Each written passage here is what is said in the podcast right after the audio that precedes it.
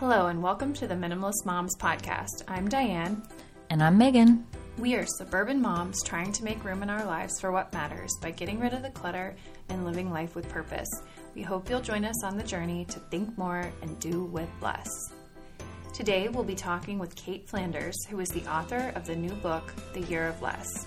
We'll be talking with Cait about her year long shopping ban and how she discovered that life is worth more than anything you can buy in a store. Hey, Megan, how are you doing today? Doing great. Good. Well, I know before we get into this podcast interview that you have a review to share with us. So, who's that from today? This is from Human Teach. He or she says, sensible and inviting. This podcast improves how I tackle home and work projects. I find I have more time and space for what I value after listening and taking action. Well, thank you so much for that. And we are so excited whenever we hear that what we say has inspired others to act. So, thank you so much for that. And don't forget to leave your own rating and review if you like us. If not, you know, we don't want to hear it. All right. So, about a month ago, I was browsing through Amazon, not intending to buy anything, just browsing. But I was browsing through the latest minimalist releases on Amazon, and I saw this adorable new cover, and it caught my eye because I'm a sucker for a cute cover. So I immediately did a Google search and was directed to Cait Flanders' website. I just loved the idea of a spending ban, and so I contacted her and asked if she'd appear on our podcast, and she said yes. So she was kind enough to send me her book in preparation for this episode, and I completely devoured it, you guys, in two days. And I mean, I'm a fast reader, but mm-hmm. it, it was a page turner for sure. Mm-hmm. So I couldn't stop turning those pages to see how her year played out, and that's why I'm really excited to talk to her today. Absolutely. I totally agree. I absolutely loved her book as well. It not only was it did it have great insight, but it was just so well written. You can tell that she's a professional writer. Mm-hmm. So, before we get started, I have to mention that Cait's story does focus on her spending van, but I love that she vulnerably interjects so much of her personal life and struggles throughout. And I mean, I know I could relate to some of the things that she'd went through, but I think a lot of you may relate as well and draw certain parallels to your own life. So, here's the interview with Cait Flanders. Hi, Cait. How are you doing this morning? I'm so good. Thank you so much for having me. Well, thanks for joining us this morning. Before we get into all the questions, can you just introduce yourself to listeners and tell us about your somewhat non traditional career? Oh, yeah. Um, I mean, it's interesting because I even still sometimes kind of sit here and wonder how the heck I got here. um, because I, you know, when I was 22 years old, I got a job with the government, which I then thought would just be my career for life. Um, both my parents worked in the public service their whole careers, and you know, get, getting in at 22 is just such a big deal. And so even all my friends were kind of like, "Oh, you've made it! Like you're in." And that is like how how it felt in the beginning. But um, yeah, over the years, I've um, eventually made a few shifts. One was I left the public sector to work as a managing editor of a financial startup, um, and basically got that job because the uh, owner or the CEO, she read my blog, um, which was just this little thing I was doing on the side. And so she read my blog and offered me a job, and I worked with her for three years. And then after that, I ended up quitting to go full time freelance. Mm-hmm. Um, and now, now I'm sort of going through like a, I don't even know what my career is. Like I'm an author and I have a podcast and you're, I do you're doing it all. I do a little bit of freelance and stuff, but I'm also feeling like there will be more shifts this year. So, mm-hmm. um, yeah, but it's just been a weird, very weird in that 10 years ago, I'm 32 now. So 10 years ago, I never would have thought I would be here right now. Everything that you're doing is very creative. So you're definitely in that creative realm, and that's totally different from what you started off doing. So I find that really interesting. So let's dive into your book a little bit. Your book is about many things, but the central theme is your year long shopping ban that you started on your birthday in 2014. So what led you to that decision? Because that's a pretty big decision to make a whole year without shopping. Yeah, yeah, it was. I will say it came from a place of okay, I'll, I'll back it up and say this. Uh, I used to do this thing on my blog where at the beginning of every month, I would say how much I wanted to save. And then at the end of the month, I would like write my actual numbers for the whole month. And I, you know, I wanted to save like 20% of my income, which should have been doable. Um, but then I would find I would get to the end of every month and I had only saved maybe 5%, like 10% was probably the max I did in, in a year or so. And so, and I was instead just always justifying my spending. Um, and I think that the reason that sort of happened, or the reason I wasn't saving very much, is because the first thing I used to blog about was getting out of debt. Um, I paid off about $30,000 of mostly consumer debt in two years. And obviously, will never ever regret getting out of debt. But the problem with the approach I took was that I was so aggressive and I was also really, really hard on myself mm-hmm. um, that I don't think I really took the time to learn the lessons of why I had gotten into debt in the first place. So you weren't realistic for like the day to day? Yeah, like I was, it, the way I paid off my debt was sort of, I don't know, like, you know, like crash dieting, like where you're just mm-hmm. not allowing yourself anything. Um, and like I said, was really hard on myself. I used to, you know, being maxed out, it does feel awful. That's the place that I got to with it. And it does feel awful, but I used to be really hard on myself and tell myself I was a failure and I had like screwed up my chance at having any kind of like a healthy financial future. And I just, I like, I used to cry myself to sleep. Like it was awful. Mm. And so what I would then do though is be like so hard on myself for why I had gotten into that position and not knowing like, the lessons or the reasons I was spending, but just being so mad at myself that I had almost thirty thousand dollars of debt that I just didn't let myself have like any fun money.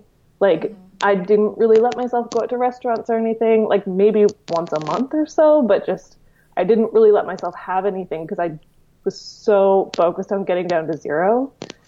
So yeah, I just didn't learn like even though I was kind of budgeting back then, it was such a tight budget that I just didn't put any kind of freedom into. And so I didn't have any kind of balance.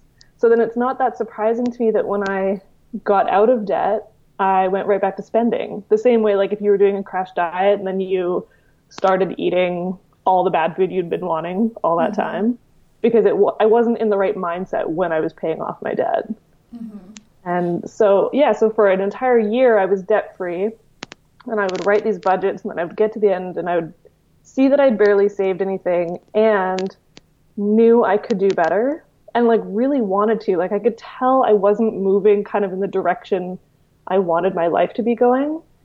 And instead it was sort of like it's almost like forcing yourself to continue to stay in that like paycheck to paycheck cycle where I didn't need to be that way. I didn't need to be spending all my money. And so I just kind of realized like there has to be another way. There has to be another way of doing this. Mm-hmm. So it sounds like you don't necessarily regret going all in and getting that debt paid down, but you needed something that was more, I guess, giving yourself more grace and allowing yourself to have not so much rigidity in moving mm-hmm. forward. Something that's more sustainable mm-hmm. for long term. Yeah, and this is a problem too. Like the way I paid off my debt, I didn't save anything. Like I had maybe five hundred or a thousand dollars in savings at the end of it, but that's not very much. Like in an emergency, that's going to be wiped out. Um, so I didn't really save anything. And, and like you said, like I just, there was no balance. There was no grace in it. I wasn't, I wasn't, you know, even partway through, like I would track my progress and I was proud of the progress that I was making. But I would kind of just immediately be like, okay, time to keep moving on. Mm-hmm. Mm. So, what were the rules that you laid out for this year long ban? Yeah, I mean, sometimes I will say, um, I really wish I had called it something other than a ban.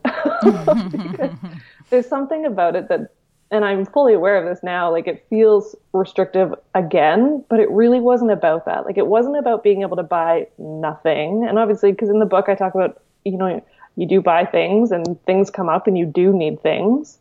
Um, but it was really just like learning how to not buy things I didn't need. So the rules were things like, I mean, obviously I could buy things like groceries and put gas in my car and toiletries um, when I ran out of them. So not stockpiling on toiletries, but when I, well, I joke about this a lot, but it's like when you run out of deodorant, you can go buy more deodorant. like mm-hmm. when you run out of the things, you can go and buy them. Um, but it was then saying like I'm not allowed to buy things like clothes, shoes, um, books, magazines, things for around the house. And that didn't come from a place of like, I'm not allowed them. It came from looking around my home and seeing I already had a lot of that stuff and I wasn't even using it. Mm-hmm. So I really wanted to get to a place where I was actually using the things that were in my home and that I knew how to buy things that I would actually use versus like just think I'll use them one day. And then I there were a couple things on the list that I like I added takeout coffee as something I was not allowed to buy that year.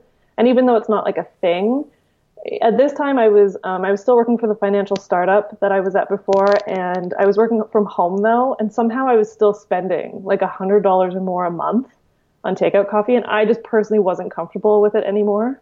Mm-hmm. Um, so that was a rule, and then there were a couple things that I knew I would need to buy that year, I mean, looking ahead to a year, things do come up, but I could see some very specific events in the calendar. Like I had five weddings to go to, and I'm just not really someone who gets dressed up that much. It's just not who I am. Mm-hmm. Um, so I was like, I need an outfit though for these weddings. So I just bought one dress and one pair of shoes to wear to all of the weddings. That's awesome. Um, yeah, well, it helped that they were um, not all in the same city or with all the same friends. Mm.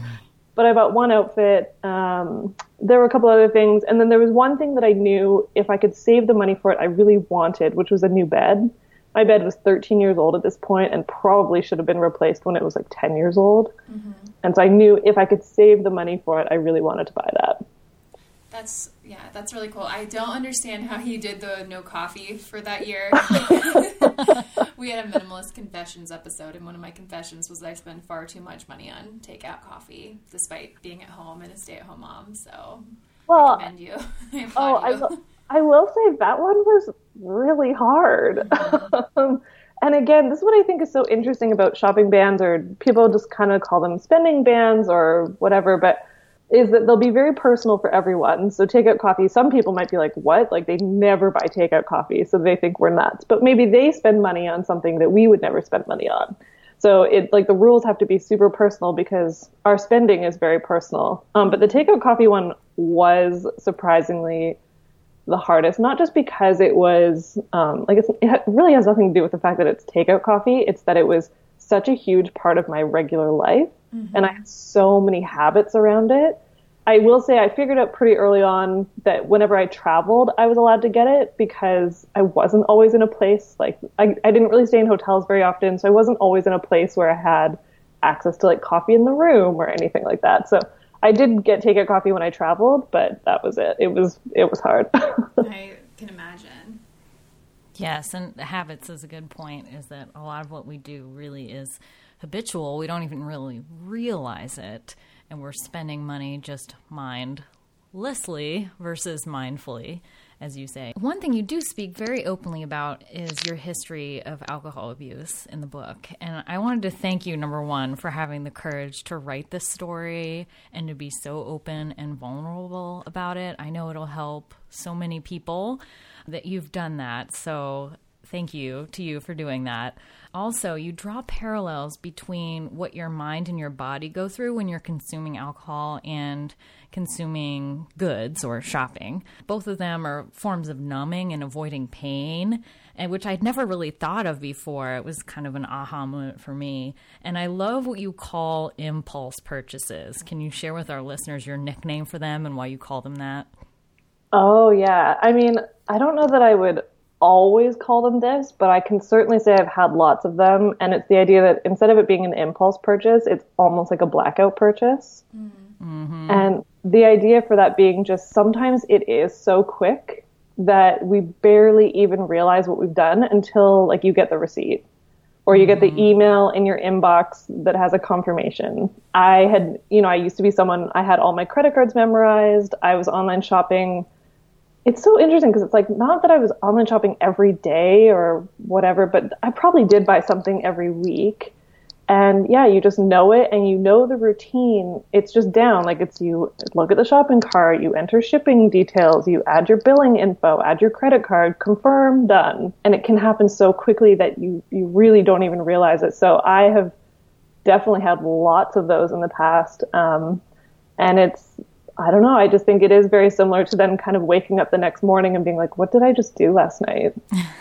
um, yes, and and a lot of online retail retailers make it so easy with like one click, and you've done it. You didn't even have to go through putting in your information again. Uh, do this as quickly as possible just for that reason. And I've actually have uh, a friend whose mom would absolutely describe her purchases as blackout purchases. She would wake up in the morning and find the emails and not realize that she was shopping really late at night on her phone, on Amazon or wherever, and just be clicking away and then wake up and go, Oh, what have I done?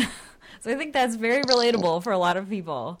Well, and the internet and social media, especially, is making it even easier to shop now. Like, I don't know if you guys have seen in Instagram now, you can look at posts that will have actual links within the post um, mm-hmm. to items. So you could look at a picture of a home and you could like tap on the photo and then it'll show you maybe like the chandelier and the couch and the dresser or something like these are all things that are priced at X. You can then click off from Instagram and go buy them.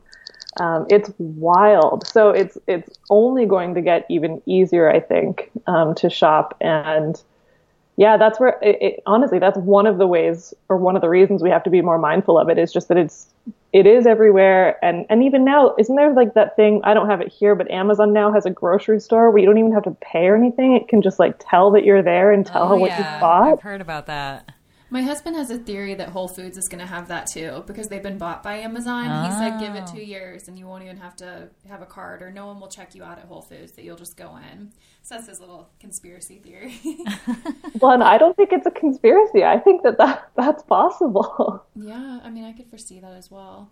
But that's the Instagram shopping is so tempting. I think there's a something called like to know it and any of the fashion bloggers or just influencers quote unquote they have the same thing to where it it's a website that you can click on and it goes to all their posts and or all the clothes that they're wearing in their posts and wow. yep you can easily buy whatever they're wearing mm-hmm. so you give some great tips in your book on how to avoid temptation would you mind sharing some of those tips with us yeah i think there's a bunch of different steps that I took. I think um, one of them was decluttering and getting rid of some stuff. I think that that act alone showed me how much stuff I had spent money on in the past and actually never even used. Um, mm. which sort of served as it wasn't meant to like guilt me or anything. It's just kind of like a little wake up call. Like I've spent a lot of money on stuff in the past that I've either never used or maybe used once, but look at now and I would never use again. And so that just showed me I don't, I just don't want to waste money. And then also I don't want to create more waste. Mm-hmm. So decluttering helped a bit. Um, even if people didn't do that, something that was probably even more helpful was taking inventory.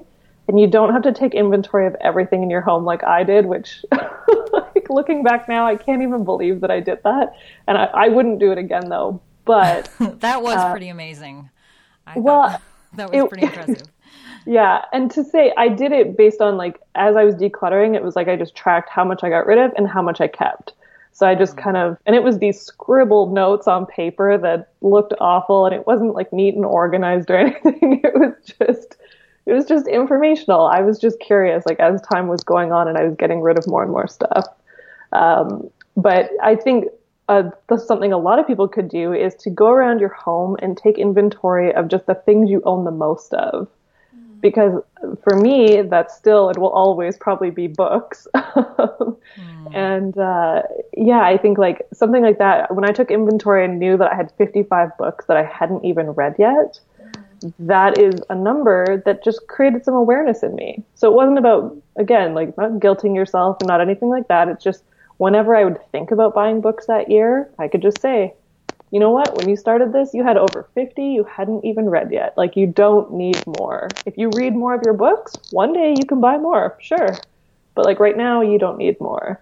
And it just helped stop me from making impulse purchases. Um, the same can be true of things like toiletries. I think sometimes we're quick to buy things just because they're on sale or because we think we're out, but then we forget because maybe you don't look in the cupboard or under the sink or stuff like that very often, so you don't realize that you actually already have a lot of stuff. Mm-hmm. Um, so I definitely was someone who I would even just like buy something like toothpaste and then go home like, wait, I have three tubes already. Like, why did I just buy? um, and not that you'll never use it, but it's you know to help your mo- monthly cash flow and just keep more money as you need it. Um, yeah, just little things like that. So I would say tactically, those were like two that helped a lot. I would say unfollowing retailers on social media was huge. Um, mm, that's a good one.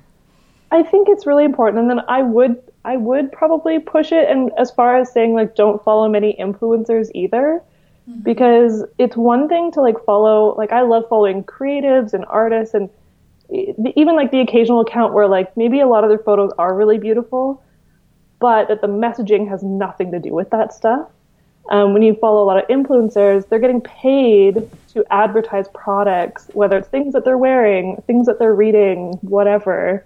Um, and so for retailers, though, I think it it was tough for me at first because I remember feeling almost like as though I was supposed to be loyal to these brands or something, like my favorite bookstore or um, like clothing brands or something. And then to really just realizing, number one, like they're not actually loyal to you, so you don't need to follow them. Mm-hmm. But really, the only reason or the only thing you're going to get from following a retailer is you're just going to see more stuff you could buy. And like as an example, I I love Patagonia. I only own a few things from them, but I I love their stuff and I will always buy more. But uh, I don't need to follow them on social media because I'm only going to see stuff that I could buy and I, I don't need to do that. Those are very, very helpful tips. And even you can't avoid, you know, there's advertising sponsored posts in there that you can, you don't have the option of not looking at. So possibly even uh, cutting back your social media use in general would, would help with that, I would say. Yeah, I think something for me that's been really important is, and it's sort of like just a thing about being a mindful consumer in general. So I won't get too off track with this, but something I've really thought about even in that year and ever since is like, we're not just consuming stuff. Like as human beings, we are literally consuming all the time. Mm-hmm. It is the information that we're reading. It is the stuff we're seeing on social media, um, the books we read, the magazines we read, uh, everything the music the food the drinks like everything that we do is like we're just constantly consuming. And so i think for me it's been um, i've been on definitely a journey of ups and downs with social media and, and think right now i'm feeling comfortable with where i'm at with it. But it's i think for that step it's like even just deciding which platforms maybe are actually the ones you enjoy um, and then spending time or less time on the ones that don't. And like you said, there's ads everywhere, but you can limit at least how much time you're spending on there. And then it's really just about being um, mindful of the ads that you are seeing. And actually, again, it goes back to Instagram, which I hate because I love Instagram. I know. Once Facebook bought it, we got even more ads and even more sponsored posts that we couldn't control. Once they threw the algorithm in there, it was kind of, you know, downhill from there, unfortunately. It's true. And then the last point I wanted to make about it, which is it makes me sad that they do this, but it's just something for us to be aware of, is that Instagram listens to you. Mm. So when you're talking about things, even with friends, maybe you've never searched for it on the internet before, but I guarantee, like, if we all had our phones near us right now and we were all talking about like one specific brand or um, one company, we one of us probably would at least see an ad for it on Instagram in the next 24 hours. Wow, I had no idea about that. Oh, I've I've heard that. Yes, I believe it. I yeah, especially with you know because of if you have Siri turned on, especially to where it listens all the time. It's mm-hmm. listening to everything. It's not just listening to Hey Siri. Yep, so. and it's um it's actually a setting in Instagram that like you're giving it access to your microphone. Oh um, gosh. but apparently, like if you don't give it access to a microphone, you can't post anything Any on videos. Instagram. Oh, okay. Yeah, so it's really what? wild. So again, I'm like, I don't think we all need to, because I immediately was like, I hate Instagram. And then I was like, I don't think it has to be like that. I think instead it's just being extremely mindful of the ads that you are seeing. Because I've heard lots of friends say, like, oh, Instagram got me and I bought this thing because I saw it on there a bunch of times. Mm. Like, yeah, because then you were probably talking about it or you interacted with that ad in some way. Mm. And unfortunately, they're really smart. Like, social media is really smart. So, anyways, it's just really about being mindful of it and knowing that it's happening. And so, when you see those ads that are super targeted at you, it's really just knowing, like, I don't need to buy this. Just because I've been talking about it doesn't mean I need to buy it. Mm-hmm. Oh, that's so true. And you jumped the gun because I was my, that was going to be my next question to use. What what does a mindful consumer look like? But you just very very well explained exactly what you mean by that. And I, I think that's a, a new concept for a lot of people. It's like we think of I think you even described it as binge consuming versus mindful consuming. And that was that was a new concept, or looking at it that way was new for me. I had never really thought about that. Is that we're we're consuming, we're inputting things constantly. It doesn't necessarily have to be food or or spending money, or it's it's everything that's around us. It is. I think also the idea of being a mindful consumer to me is um, you know, we were kind of talking about limiting how much time you're spending on things.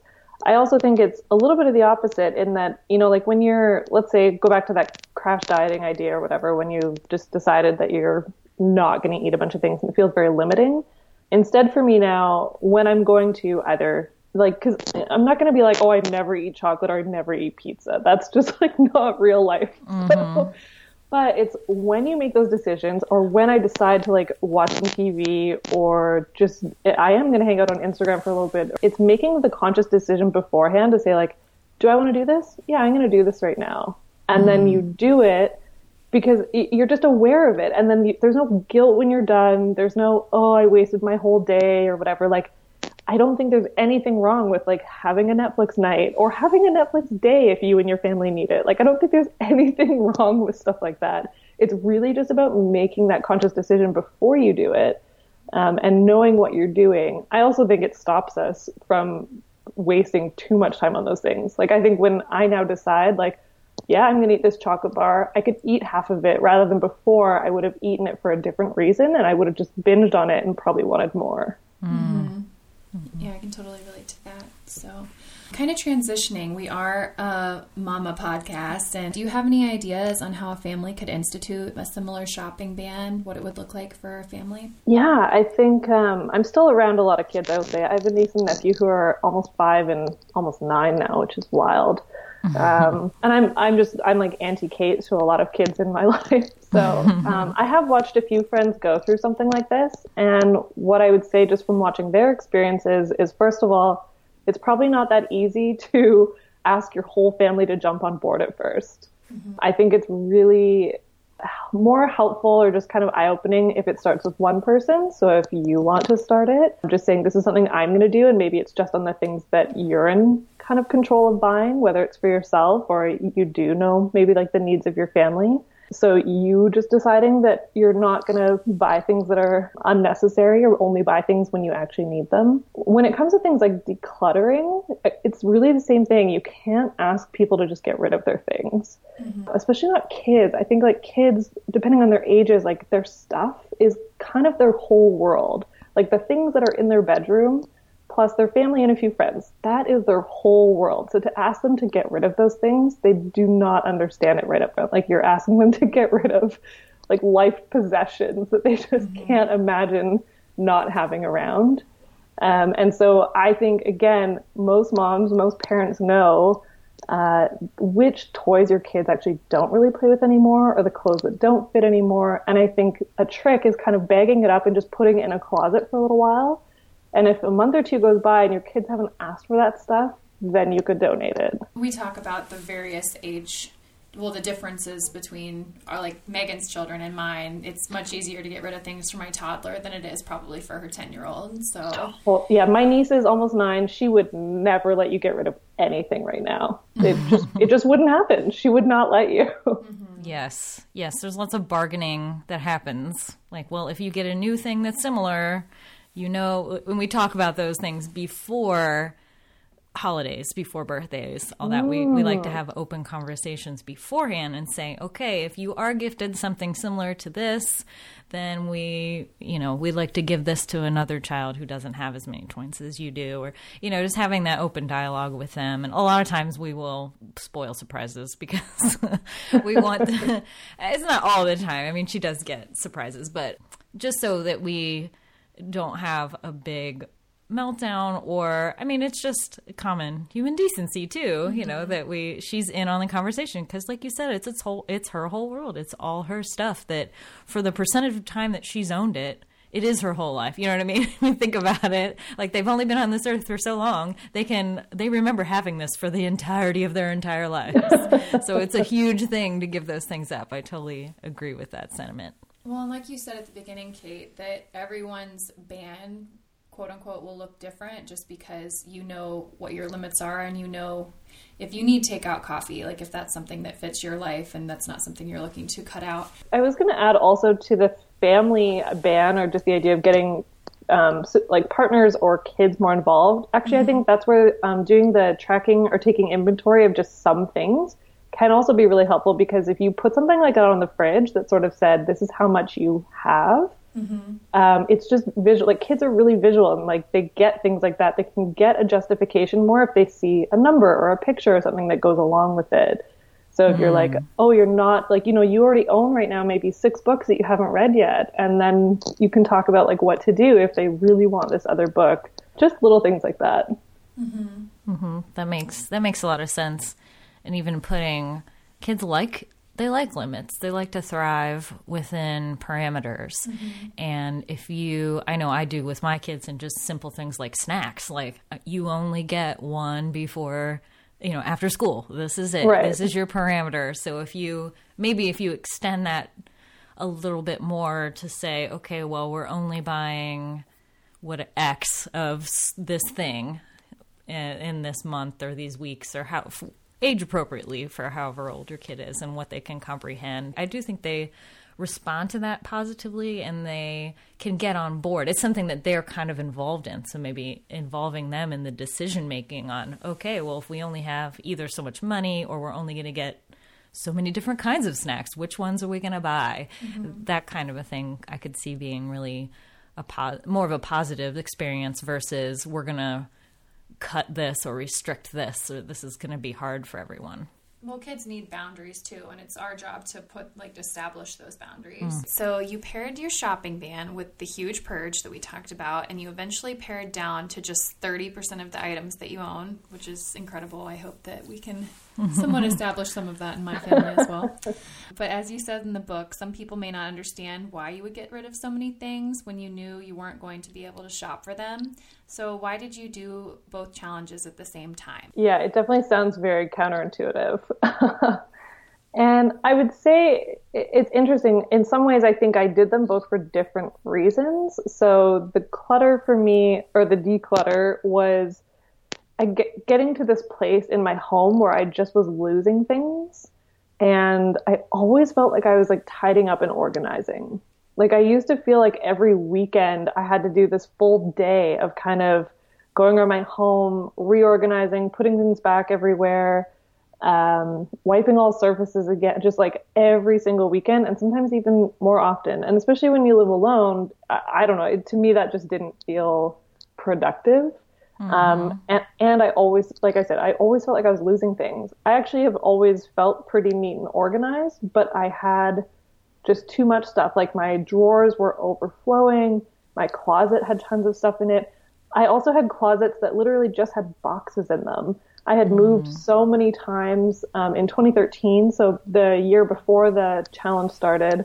I had to move five times for a number of different reasons. But for five times, I basically was just picking up my boxes and moving them from one closet to another.